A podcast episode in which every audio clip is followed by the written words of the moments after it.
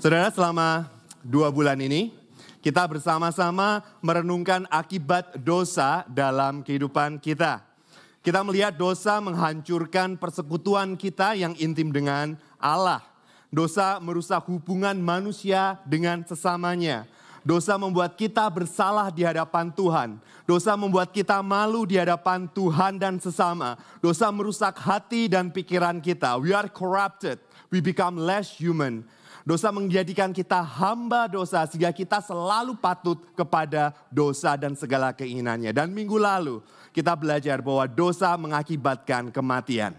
Kematian fisik, kematian spiritual, dan kematian kekal. Saudara bisa melihat betapa jahatnya efek dosa dalam hidup kita. Bisa? Amin? Dan dan hari ini merupakan khotbah terakhir dari seri What's So Bad About Sin. Saya beri judulnya Sin Brings Us into a World of Horror and Trauma. Ya, sin brings about a world of horror and trauma.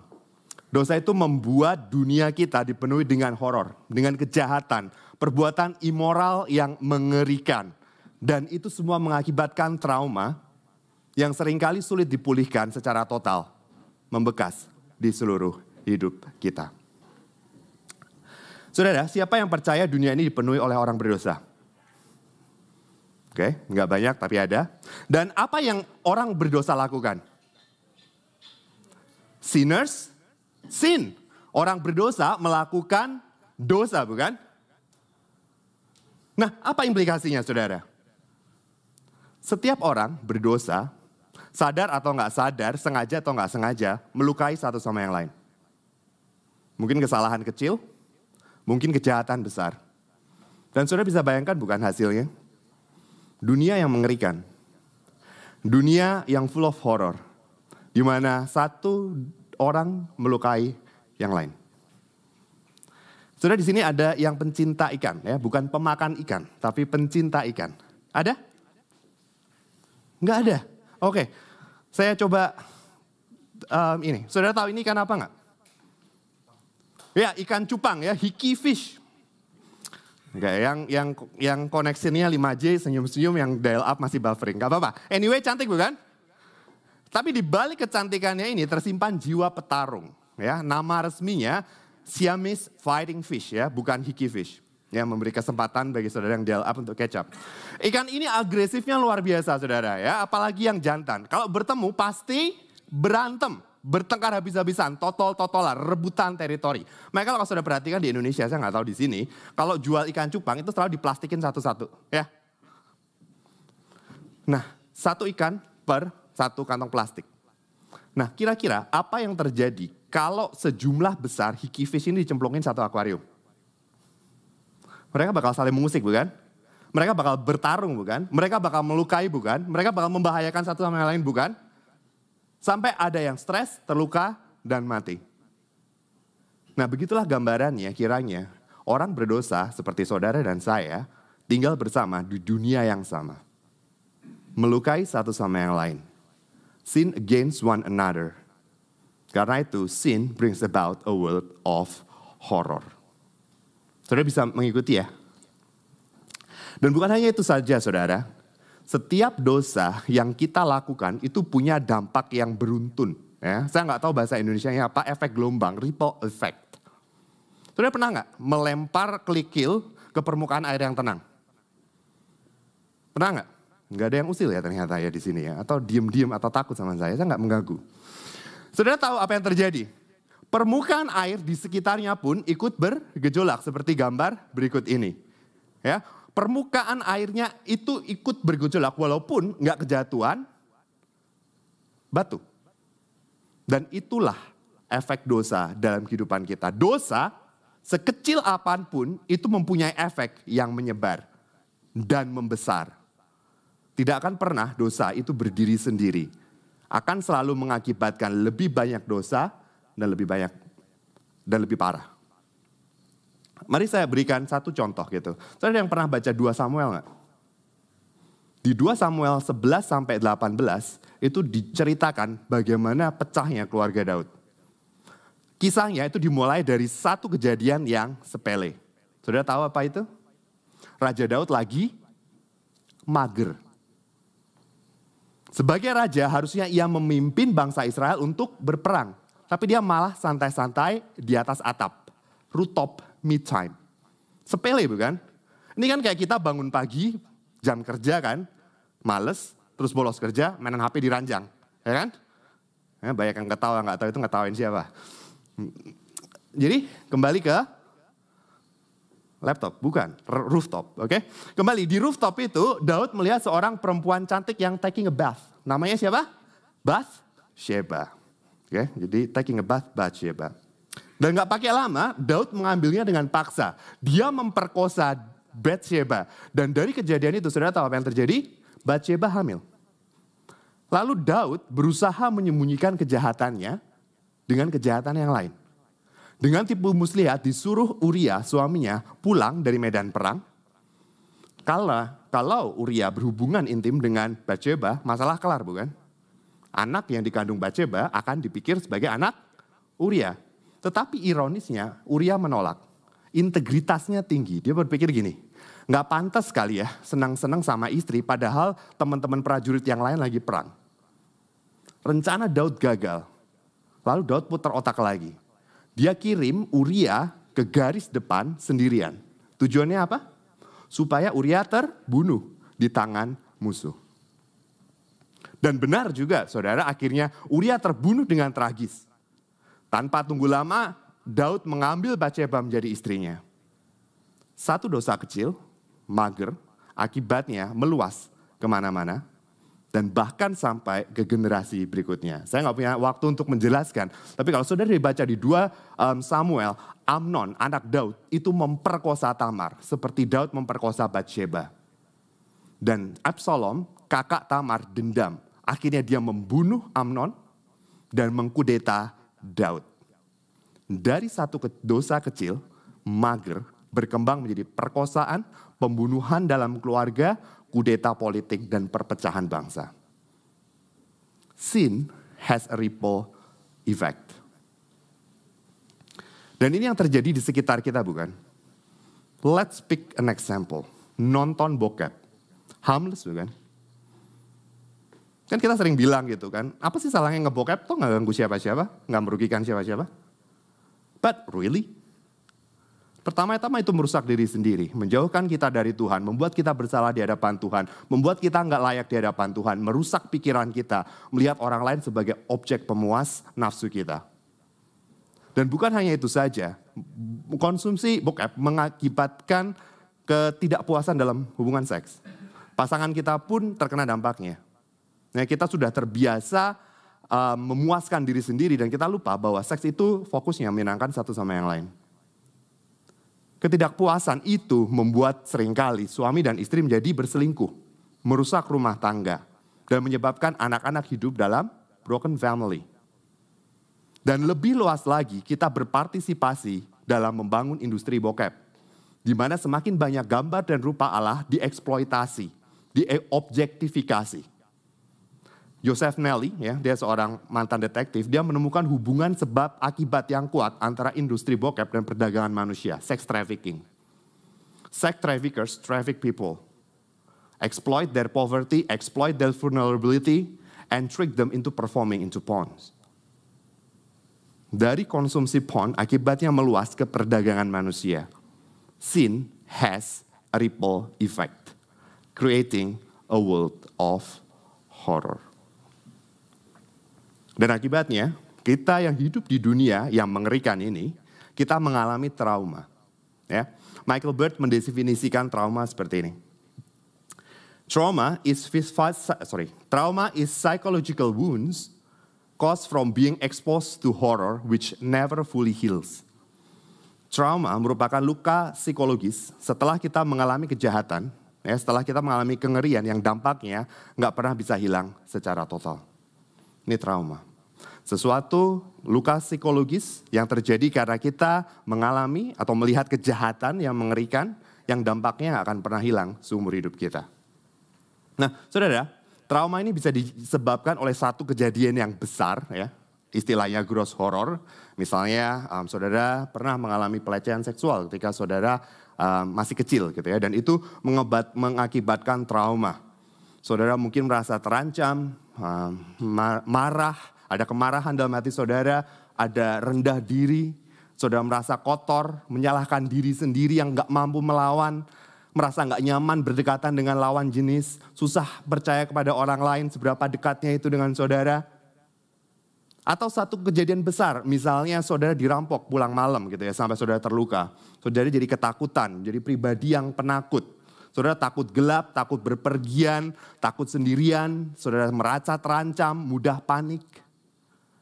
Atau kejadian-kejadian besar seperti trauma dari perceraian orang tua, ditinggalkan oleh orang tua, ditipu oleh rekan bisnis sampai bangkrut, melihat pembunuhan dan sebagainya. Satu kejadian besar yang menyebabkan trauma. Tetapi trauma juga bisa di, uh, disebabkan oleh kejadian kecil yang terjadi secara berulang-ulang ya. Istilahnya gross uh, sorry istilahnya commonplace horrors.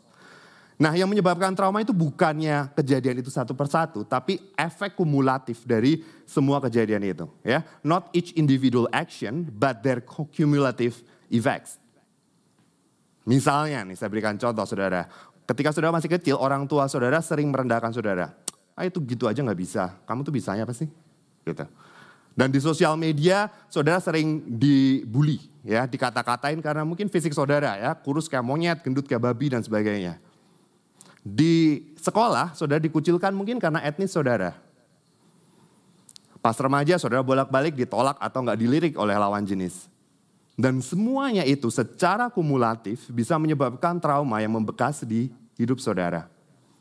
Mungkin saudara jadi minder, ya, membenci diri sendiri, depresi, jadi susah mengekspresikan diri sendiri, haus akan pengakuan orang lain, mudah dimanipulasi oleh orang yang pura-pura mengasihi saudara padahal memanfaatkan saudara dan sebagainya. Kejadian kecil yang berulang-ulang bisa menyebabkan trauma. Ya, jadi satu kejadian besar, gross place horror, sorry gross horror dan common place horror. Sesuatu hal yang terjadi berulang-ulang. Dan seperti yang tadi saya berikan contoh, manifestasi, bentuk dari trauma itu bisa bermacam-macam. Ya, bisa dalam bentuk gangguan fisik, misalnya saudara susah tidur, um, nightmares, hilang nafsu makan, um, sakit kepala, mual-mual, atau gangguan mental, gangguan emosional, seperti emosi yang mudah labil, mudah berubah, sukar berkonsentrasi, stres, depresi, anxiety, kecemasan, ketakutan, dan mati rasa, apathy. Atau itu juga sering kali muncul dalam gangguan relasi, susah percaya dengan orang lain, bahkan termasuk kepada Tuhan. Nah sekarang pertanyaannya begini saudara. Mengapa trauma itu dampaknya bisa begitu parah, menjalar ke mana-mana? Dari fisik, dari mental, sampai relasi. Begini saudara, Trauma itu mengubah atau lebih tepatnya mendistorsi pandangan kita tentang realita. Trauma distorts our perceptions of reality. Sudah pernah nggak nonton dra uh, crime drama? Nggak ada ya? Ah, sinetron deh gitu ya. Pernah ada adegan penculikan? Biasanya penculik itu kalau telepon keluarga korban itu suaranya didistorsi bukan? Sehingga kelihatan kayak suara robot gitu. Tujuannya apa? Supaya yang terdengar itu berbeda dengan suara aslinya, distorsi. Nah, begitu juga dengan kita yang mengalami trauma, yang ada di pikiran kita itu sering kali tidak sesuai dengan kenyataannya. Ya, saya berikan contoh yang rada ekstrim, masih dari crime drama ya, itu itu hobi saya saudara ya. Ada, saya pernah nonton film gitu, ada satu veteran perang yang pulang dari medan peperangan gitu ya. Dan dia mengalami trauma setelah terus menerus gitu ya, dia merasa was-was berjaga-jaga di medan perang, dia menjadi paranoid. Jadi ketika dia di rumah, buka jendela gitu ya, melihat ada kerumunan orang di depannya lagi ngobrol, veteran ini jadi ketakutan. Orang ini pasti lagi nge-spy gue, bakal menangkap gue dan membunuh gue. Padahal orang itu lagi kangenan aja. Ada distorsi apa yang terjadi di realita dengan apa yang kita pikirkan. Dan ini yang terjadi pada trauma survivors. Nah, realita apa yang terdistorsi? Pertama-tama, biasanya trauma itu mendistorsi persepsi kita tentang Allah. Trauma distorts our perception of God. Trauma itu membuat kita sulit melihat karakter Allah yang sebenarnya, terutama kebaikan dan kekuatan Tuhan. Makanya sering kali kita berpikir gitu ya, ketika kita mengalami trauma, mengapa Tuhan izinkan ini terjadi kepadaku?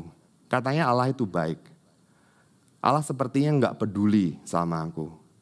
Atau Allah itu tidak berdaya, terlalu lemah untuk berbuat sesuatu. Mengapa Allah hanya diam saja? Kita merasa Allah nggak peduli dengan kita. Kita merasa Tuhan itu nggak mengasihi kita.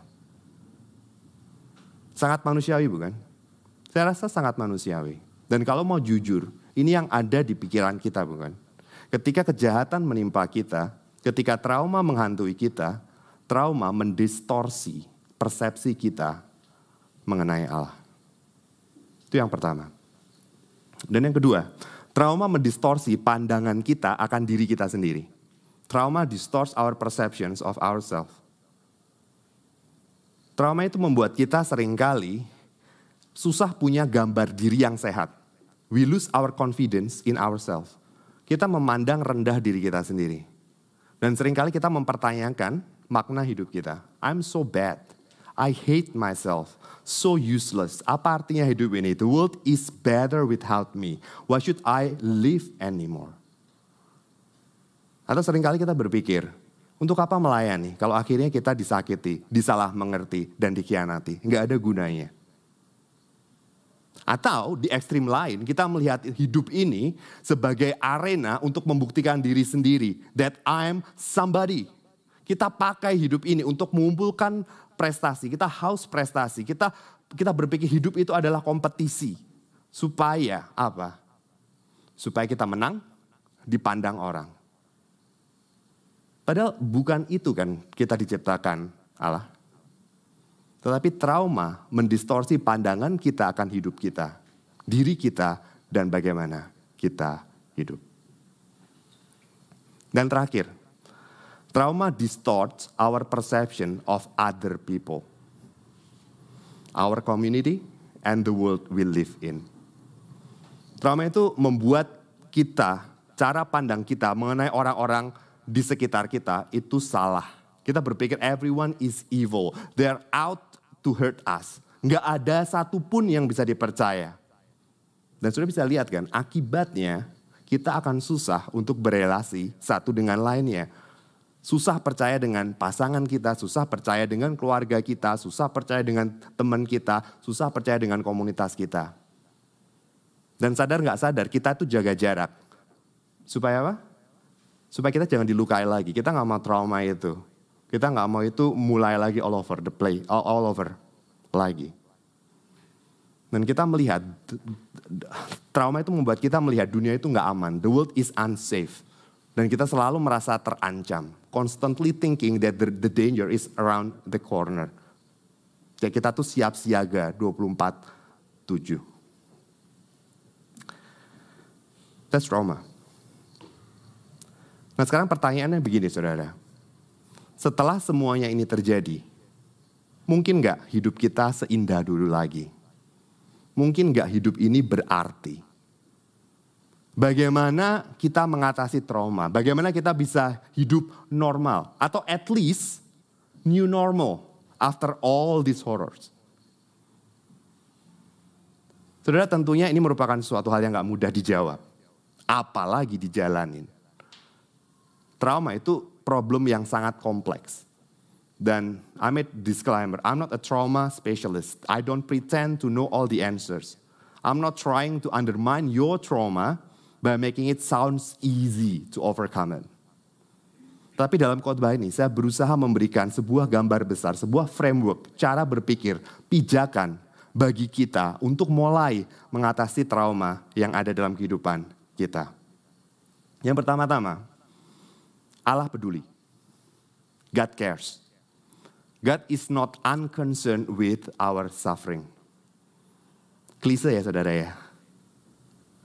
Mungkin kalau kita sudah bergereja, kita sudah mendengar kebenaran ini, bahkan menyanyikan seperti lagu yang tadi dibawakan oleh Gio, kita nyanyikan bersama-sama, berpuluh-puluh, beratus-ratus, bahkan beribu-ribu kali. Tapi kita susah mempercayainya bukan? Karena saya rasa sebagian dari kita, ini tuh seperti sesuatu hal yang abstrak, sesuatu hal yang jauh, sesuatu hal yang diangan-angan dan tidak sesuai dengan realita yang kita rasakan sehari-hari. Betul? Betul? Karena itu saya ajak saudara gitu ya, untuk merenungkan sejenak gitu ya. Oke, kalau kita bilang Allah peduli, apa sih yang Allah lakukan untuk menunjukkan kasihnya? Untuk menunjukkan kepeduliannya, keperhatiannya kepada kita yang mengalami trauma. Ya, di tengah dunia yang dipenuhi kejahatan, manusia melukai satu sama yang lain. Apa yang Allah lakukan untuk menunjukkan bahwa dia itu peduli. Dia nggak cuek, dia nggak acuh. Begini saudara, Allah memberikan anaknya Yesus Kristus turun ke dunia ini, mengambil rupa sebagai manusia, hidup di antara orang berdosa, bahkan mati di kayu salib, mengalahkan dosa, mengalahkan maut. Sehingga suatu saat nanti segala kejahatan akan berhenti, ditumpas selama-lamanya. Dan barang siapa yang percaya kepadanya akan hidup aman bersama dia. Saya ulangin ya. Allah memberikan anaknya, Yesus Kristus, turun ke dunia ini. Mengambil rupa sebagai manusia, hidup di antara orang berdosa, bahkan mati di kayu salib, mengalahkan dosa, me mengalahkan maut, sehingga suatu saat nanti segala kejadian, kejahatan, segala kengerian akan ditumpas selama-lamanya. Dan siapa pun yang percaya kepadanya akan hidup aman bersama dengannya. Saudara, Allah nggak diam saja. Allah nggak melihat kejahatan manusia dari kejauhan, apalagi sebagai tontonan. Kayak saya waktu kecil itu suka ngeliatin jangkrik diadu gitu ya, saya suka gitu. Sesuatu yang amusing. No, Allah memberikan anaknya, Yesus Kristus turun ke dunia Saudara ada yang pernah pelihara ikan mas nggak? Ya, anggap aja saudara sayang banget ya sama ikan mas saudara. Mungkin nggak saudara cemplungin ke akuarium yang isinya piranha? Mungkin nggak? Tentu tidak. Karena apa saudara? Karena piranha itu akan mengejar-ngejar, menyerang, dan akhirnya mencaplok ikan mas kesayangan saudara. Betul? Tetapi itu yang Allah lakukan. Allah memberikan Yesus Kristus. Anaknya yang dia kasihi. Turun ke dunia ini. Malahkan dosa. Saya bisa bayangkan, Yesus itu kayak ikan mas. Di antara piranha. Dia nggak berdosa. Dia tiap hari dilukai oleh orang berdosa. Di sekitarnya. Tiap hari. Keluarganya, murid-muridnya, orang Yahudi, orang Romawi, semuanya bersekongkol untuk membunuhnya. Dengan cara yang sangat hina di kayu salib. Pertanyaannya, apakah Yesus harus menjalani semua ini? Apakah Yesus harus melewati semua ini? Tidak. Namun dia rela melakukannya demi saudara dan saya. Demi piranha seperti saudara dan saya. Our God is the living God who pursues our life at the cost of trauma that he need not have suffered. Allah kita mengejar kita dengan harga yang mahal, mengalami trauma yang dia seharusnya tidak perlu derita. Bukankah Allah seperti ini? Allah yang layak kita percayai. Bukankah Allah seperti ini? Allah yang layak kita percayai. Deborah van Dusen Hunsinger, dia menulis dengan sangat indah. If God in Jesus Christ descend into the worst imaginable in order to deliver us from the hells we inflict upon one another, then such a God is worthy of our trust in life and in death. Kalau Allah dalam Yesus Kristus turun ke dunia yang penuh kejahatan ini untuk membebaskan kita dari neraka yang kita ciptakan sendiri dengan melukai satu sama yang lain, maka Allah itu layak untuk kita percaya. Amin. He's worthy of our trust. And we are safe in his hands. Saudara ingat, trauma sering kali membuat kita itu apa ya terdistorsi persepsi kita, membuat kita itu selalu merasa tidak aman, selalu merasa terancam. Tetapi Yesus, Yesuslah tempat yang aman di mana kita bisa berlindung. Jesus is the safest person who will never betray us. He knows us at our worst and loves us deeper than any other person can, even ourselves. Allah kita adalah Allah yang layak untuk dipercaya. He is a safe person that never betrays us. Karena itu datanglah kepadanya dia tidak akan pernah meninggalkan kita. Dia nggak akan pernah mengkhianati kita. Dan ini yang akan menjadi titik awal dari pemulihan kita. Is it easy? No. Karena trauma mendistorsi pikiran kita tentang Allah, bukan? Tetapi setiap kali kita meragukan kasih Allah, setiap kali kita meragukan kepeduliannya kepada kita, kita lihat salibnya. Inilah bukti nyata kasih Allah bagi kita. Bukti nyata Allah itu layak dipercaya. Pandang salibnya dan datang kepada dia.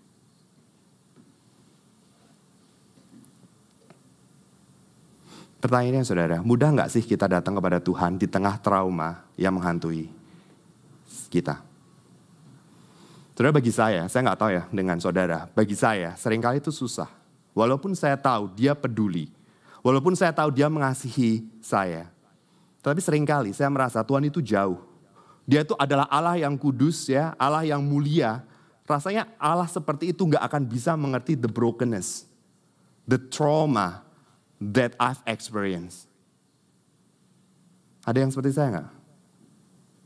Berpikir bahwa Allah yang penuh kuasa itu mana bisa sih berempati dengan saya yang lemah, dengan saya yang vulnerable, dengan saya yang overwhelmed with trauma. Kita berpikir, ya Allah peduli, tetapi Allah tidak mengerti. Are you with me? Karena begini saudara, sering kali kalau kita dalam kesesakan, kita selalu mencari empati bukan? Kita mencari orang yang mengerti kita. Betul? Dan saya notice ini ketika saya habis merit. Kalau saya ada masalah sama BK, biasanya saya curcol dengan sesama teman yang sudah menikah. Ya, yang pernah ngerasain gitu ya persoalan suami istri, yang gak menggampangkan, yang take seriously rengekan saya. Kan saya berpikir kalau curcol sama single, rasanya tuh gak kayak nggak akan bisa ngerti seriusnya perang selimut tengah malam. Kita ingin dimengerti, empathy. Karena itu kita enggan curcol dengan Tuhan karena kita berpikir dia nggak mengerti. Dia nggak bakal bisa empati. He's so otherworldly. Ada, ada, ada, yang, ada, yang, ada, yang, ada yang pernah merasakan yang saya rasakan? Atau semua all good? Kalau good kita bisa pulang ya. Tapi saya rasa ini yang sering kali kita pikirkan. Tuhan nggak bisa mengerti, but that's not true. Ingat saudara, kehidupan Tuhan Yesus di dunia ini itu bagaikan ikan mas di antara piranha bukan? Jesus experienced human suffering himself from a first person perspective. Yesus tahu rasanya disakiti. Yesus tahu rasanya digosipkan. Yesus tahu rasanya dipandang sebelah mata. Yesus tahu rasanya dihina. Yesus tahu rasanya dikhianati orang yang dia layani. Yesus tahu rasanya ditolak, ditinggalkan sahabat terdekatnya di titik terendah dalam hidupnya. Bahkan Yesus tahu rasanya kematian. Dan melalui Yesus, Allah itu bisa merasakan pergumulan manusia. Bukan cuma sekedar tahu karena dia adalah Allah yang maha tahu. Tetapi Allah bisa merasakan sendiri pergumulan manusia. Ibaratnya Allah itu mengerti sesaknya COVID Delta dengan mengalaminya. Bukan sekedar tahu deskripsinya dari Google. Scott Harrower, um, dosen saya di Ripley, dia menulis seperti ini. Jesus is a man who understands the depth of what happens in the hands of horrors and trauma. How overwhelming, disorienting, and limiting this experience are. In Christ, God has knowledge of horrors and trauma from the perspective of the sufferers. Sebagai manusia, Yesus memahami parahnya horor, parahnya trauma, betapa beratnya, betapa membingungkannya, dan betapa trauma itu sering kali membatasi hidup kita. Dan dalam Kristus, Allah mengenal semuanya itu dari sudut pandang penderita. Allah merasakannya from the inside. Karena itu dia nggak akan harsh dengan kita. Dia akan sabar. Dia tahu kita itu rapuh. Dia tahu kita itu suka lari. Dia tahu kita itu susah percaya.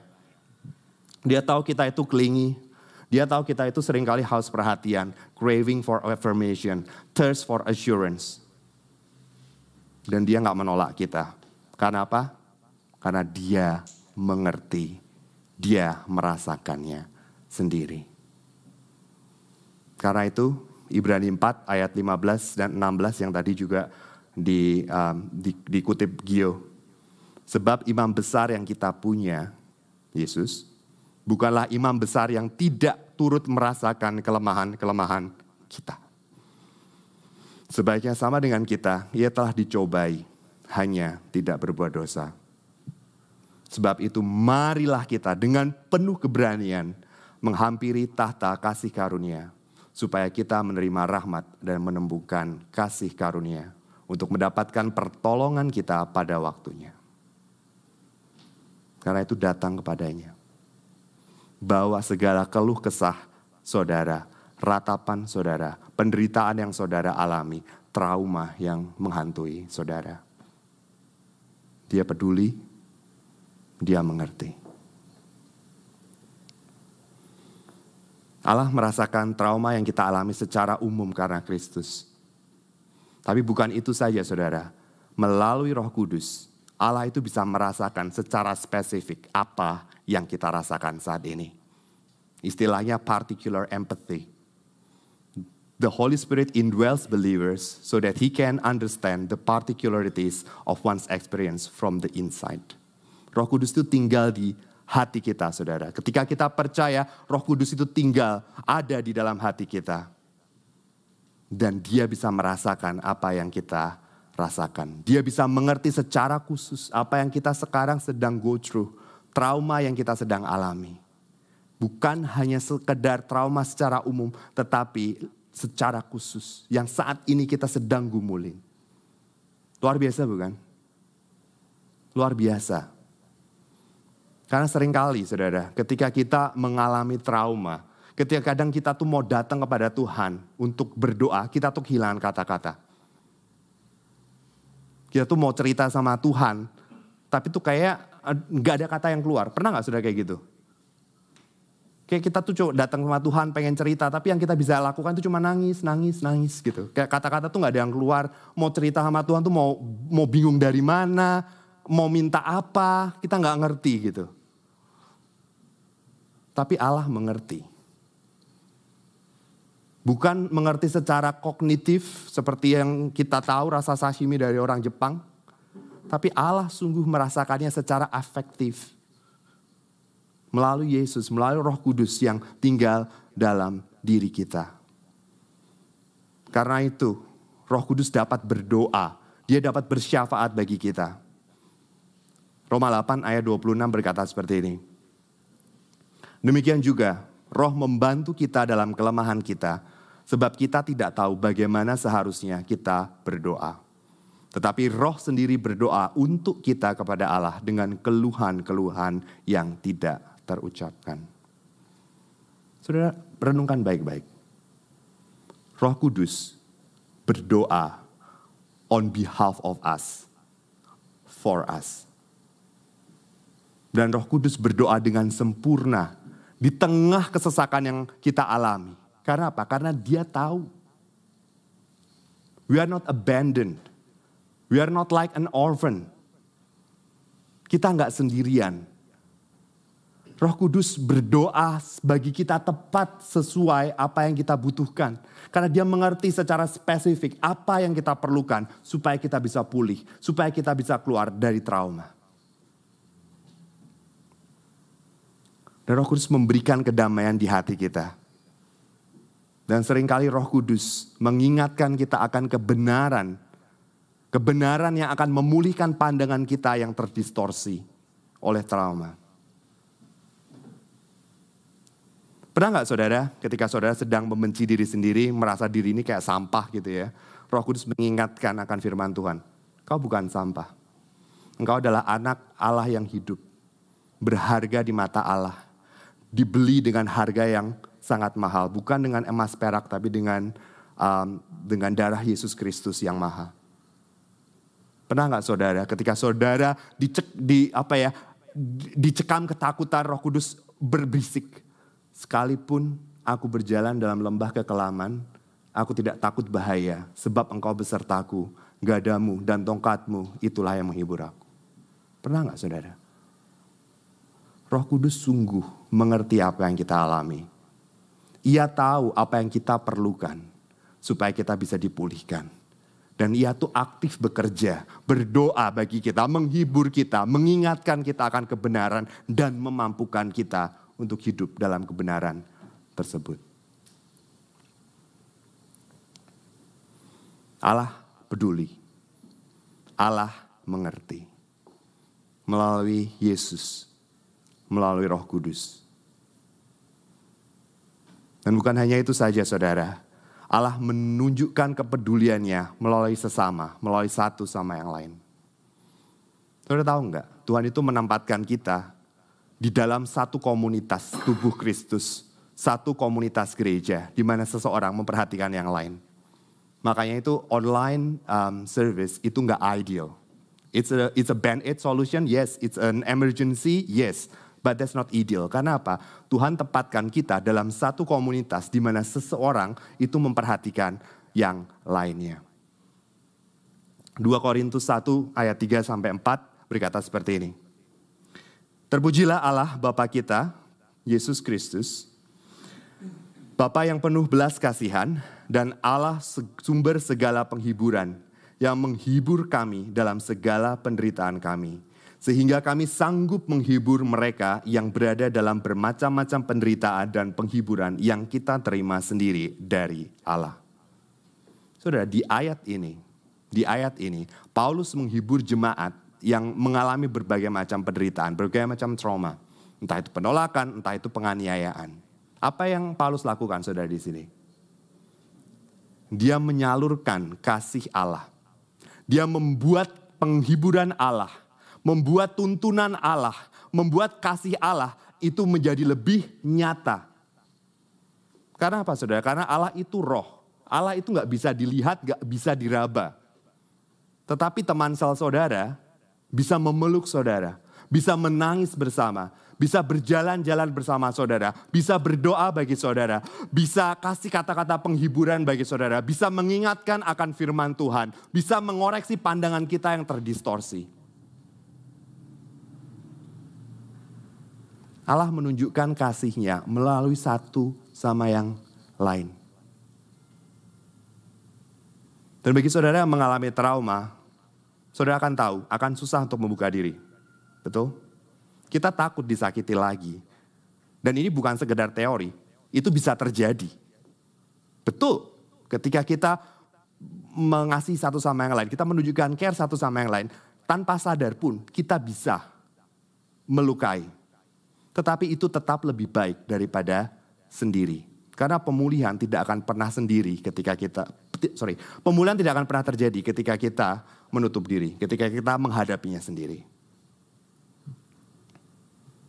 And let's face it, Kita itu bukan korban yang pasif. Kita juga pendosa yang aktif, bukan? We are both sinners and sufferers, both horror makers and trauma survivors. Kita yang mengalami trauma pun sering kali menyakiti orang yang ingin menolong kita, bukan? Entah itu dengan sengaja atau tidak. That's the reality. Tetapi bukalah diri kita untuk dilayani saudara seiman satu sama yang lain. Perlahan-lahan. Don't rush.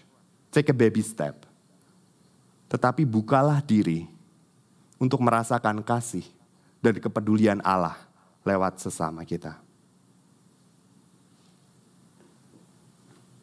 Dan bukan hanya itu saja saudara. Kita semua dipanggil untuk menghibur satu sama yang lain. Paulus bisa dikatakan sebagai trauma survivors. Dia dianiaya gila-gilaan.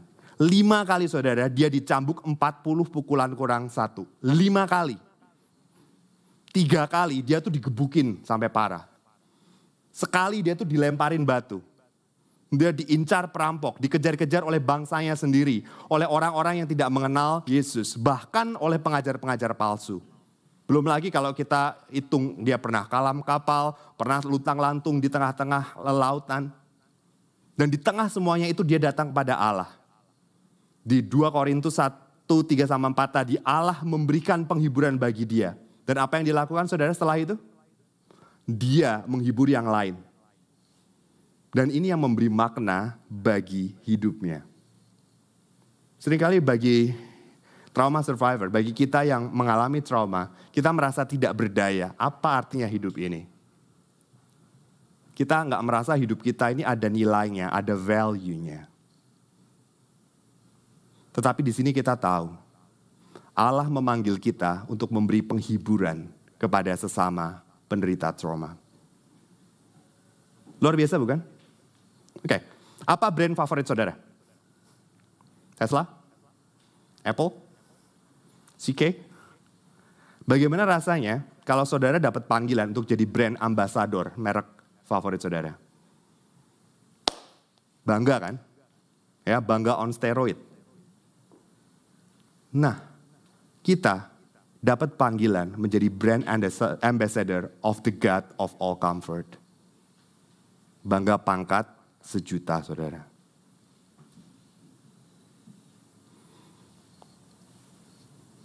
Saudara, trauma yang kita alami itu mungkin membekas dalam hidup kita. Gak akan pernah pulih 100% seperti sebelum kita mengalaminya. But trauma shouldn't cancel our lives. Trauma yang kita alami itu gak sia-sia. Karena Tuhan tebus. Karena Tuhan pakai untuk pekerjaannya di dunia ini. Mungkin saudara tanya, useful kah? Yes. Kenapa? Karena hanya orang yang pernah mengalami trauma, sungguh bisa merasakan trauma yang dialami orang lain. Apalagi secara spesifik. Kita bisa berempati. Ini saudara, seberapapun saya mencoba memahami trauma dari teman saya karena perceraian orang tua, saya kurang bisa merasakan. Paling banter saya bisa membayangkannya, memahaminya secara kognitif, secara logika, mencoba membandingkan dengan pengalaman yang saya pernah alami. Terbatas. Tetapi kalau saudara pernah mengalaminya dan saudara mendapatkan kekuatan dari Allah, saudara akan bisa mudah relate, saudara akan bisa mudah berempati, membantu teman yang juga mengalami trauma yang sama. Meaningful life is possible even after the storms.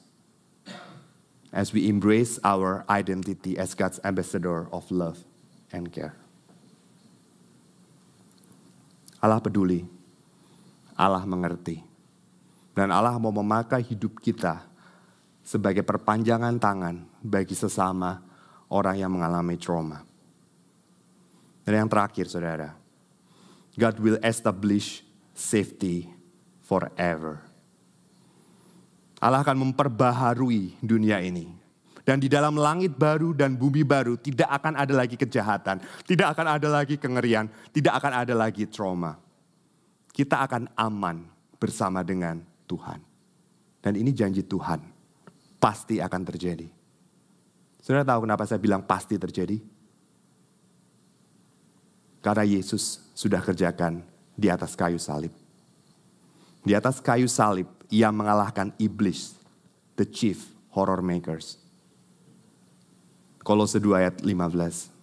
Ia, Yesus, telah melucuti pemerintah-pemerintah dan penguasa-penguasa dan menjadikan mereka tontonan umum atas kemenangannya atas mereka. Bahasa Inggrisnya, triumphing over them by the cross. Dan inilah menjadi pengharapan kita, saudara. Ketika saat ini kita masih bergumul dengan trauma, kita melihat ke masa depan. Kita nggak bakal stuck in this forever. Mari kita renungkan apa yang ditulis Scott Harrower. Dia berkata seperti ini. The return of Christ and his judgment of the nations is therefore a point in time toward which trauma survivors can look forward with great expectations of life, joy, and peace. In the state of glorification, a person will be entirely healed physically, psychologically, relationally, morally, and creatively. Kedatangan Yesus kedua kali ini merupakan saat di mana para korban trauma dapat berharap dengan harapan yang besar akan kehidupan yang penuh dengan sukacita dan damai sejahtera. Di dalam kemuliaan, kita semua akan dipulihkan sepenuhnya. Fisik kita, secara psikologis, secara relasi satu sama yang lain, secara moral kita tidak lagi menjadi piranha, dan secara kreativitas kita. Kita bisa sepenuhnya hidup sebagai gambar Allah, seperti yang Tuhan inginkan di Taman Firdaus. Dan kita akan hidup bersama dengan Allah. Luar biasa bukan? Saudara saya rasa setiap dari kita mengalami trauma entah itu besar atau kecil, entah kita sadari atau enggak. Dan trauma itu menghambat kehidupan kita, impedes our flourishing, menghalangi kita untuk apa yang meraih potensi yang Tuhan berikan kepada kita. That's the fact. Tetapi jangan putus asa. Of course this is not a simple thing, tapi kita tahu Allah peduli Allah mengerti. Dan Allah menebus trauma kita dan memakainya untuk pekerjaannya. Ingat saudara, meaningful life is possible even after the storm. Mari, maka dari itu, mari datang kepada Dia. Kita rasakan kasih Allah, perhatian Allah, Jangan cuma tahu sebatas teori, nggak ada gunanya. Kita rasakan itu menjadi bagian dalam kehidupan kita. Dalam kesesakan, mari datang kepadanya.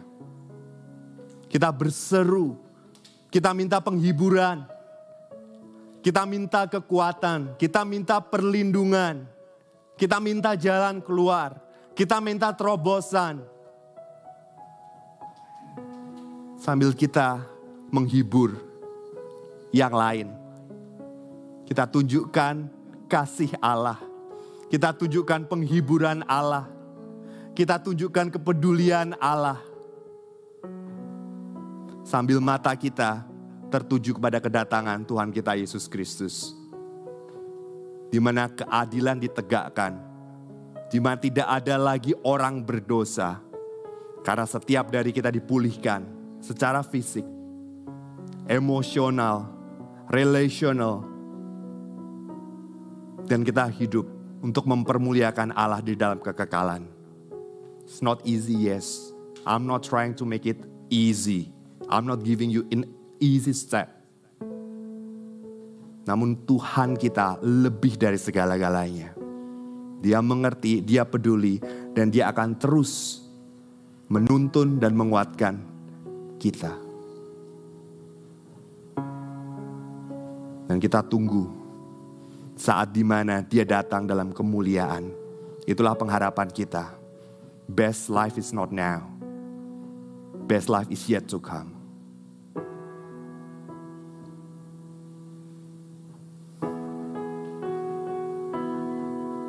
Kita nantikan dia. Dan biarlah lagu ini menjadikan pengharapan kita.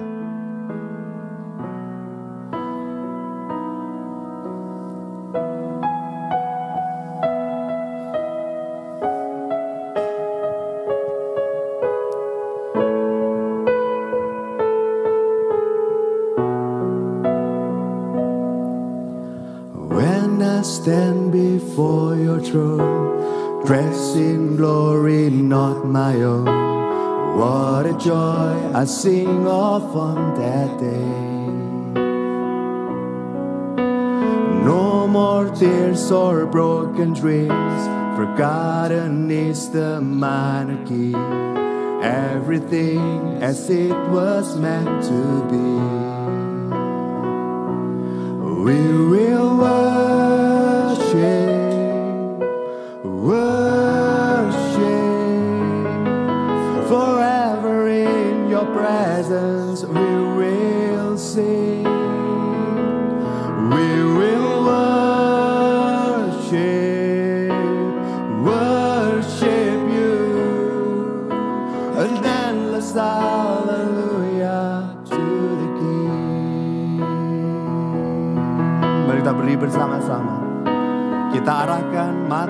kita kepada kemuliaan.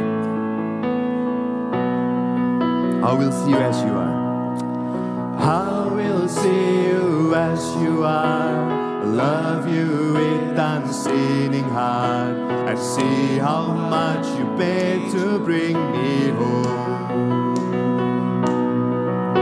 And not till then, Lord, shall I know. Not till then, how much I owe. Everything I am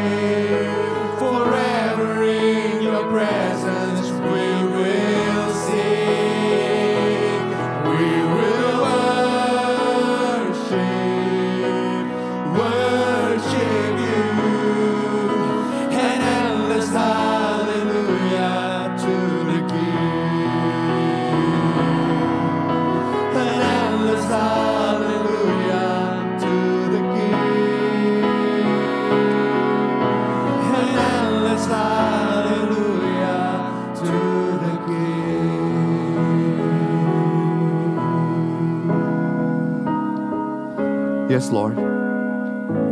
Inilah yang kami nanti-nantikan Tuhan. Kami boleh hidup bersama dengan Engkau. Tiada lagi air mata. Tidak ada lagi rasa bersalah, rasa malu. Tidak ada lagi kesedihan. Tidak ada lagi ketakutan. Tidak ada lagi kesakitan. Tidak ada lagi rasa rendah diri. Tidak ada lagi dosa. Dan kami melihat Engkau dalam segala kemuliaan-Mu dan kami mengasihi Engkau dengan segenap hidup kami. Dan kami membaktikan seluruh hidup kami kepadamu. Hidup sebagai gambar dan rupamu. Melakukan segala, mengerjakan segala potensi, kreativitas yang Engkau berikan kepada kami. Ini yang kami rindukan Tuhan. Dan biarlah yang boleh menjadi pengharapan kami. Ketika kami masih terus bergumul dengan trauma. Dengan kesakitan, yang kami alami hari ini. Karena kami tahu Engkau bukanlah Allah yang cuek, Engkau adalah Allah yang peduli, Engkau adalah Allah yang mengerti, dan Engkau adalah Allah yang akan menuntun kami dari hari ke hari, memberikan kami kekuatan, dan memberikan makna di hidup kami. Ketika dalam kondisi kami sebagaimanapun, Engkau tetap pakai kami menjadi penyalur kasih dan pedulimu kepada sesama. Terima kasih Tuhan.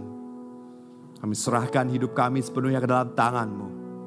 Tidak ada yang kami bisa lakukan, tidak ada yang kami bisa kerjakan dan katakan selain syukur dan terima kasih kepada Engkau. Terima kasih Yesus, terima kasih.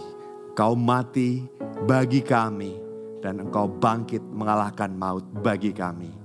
Dalam nama Tuhan kami Yesus Kristus kami berdoa. Dan saudara semua katakan, Amin, amin. Berikan kemuliaan pada Tuhan kita.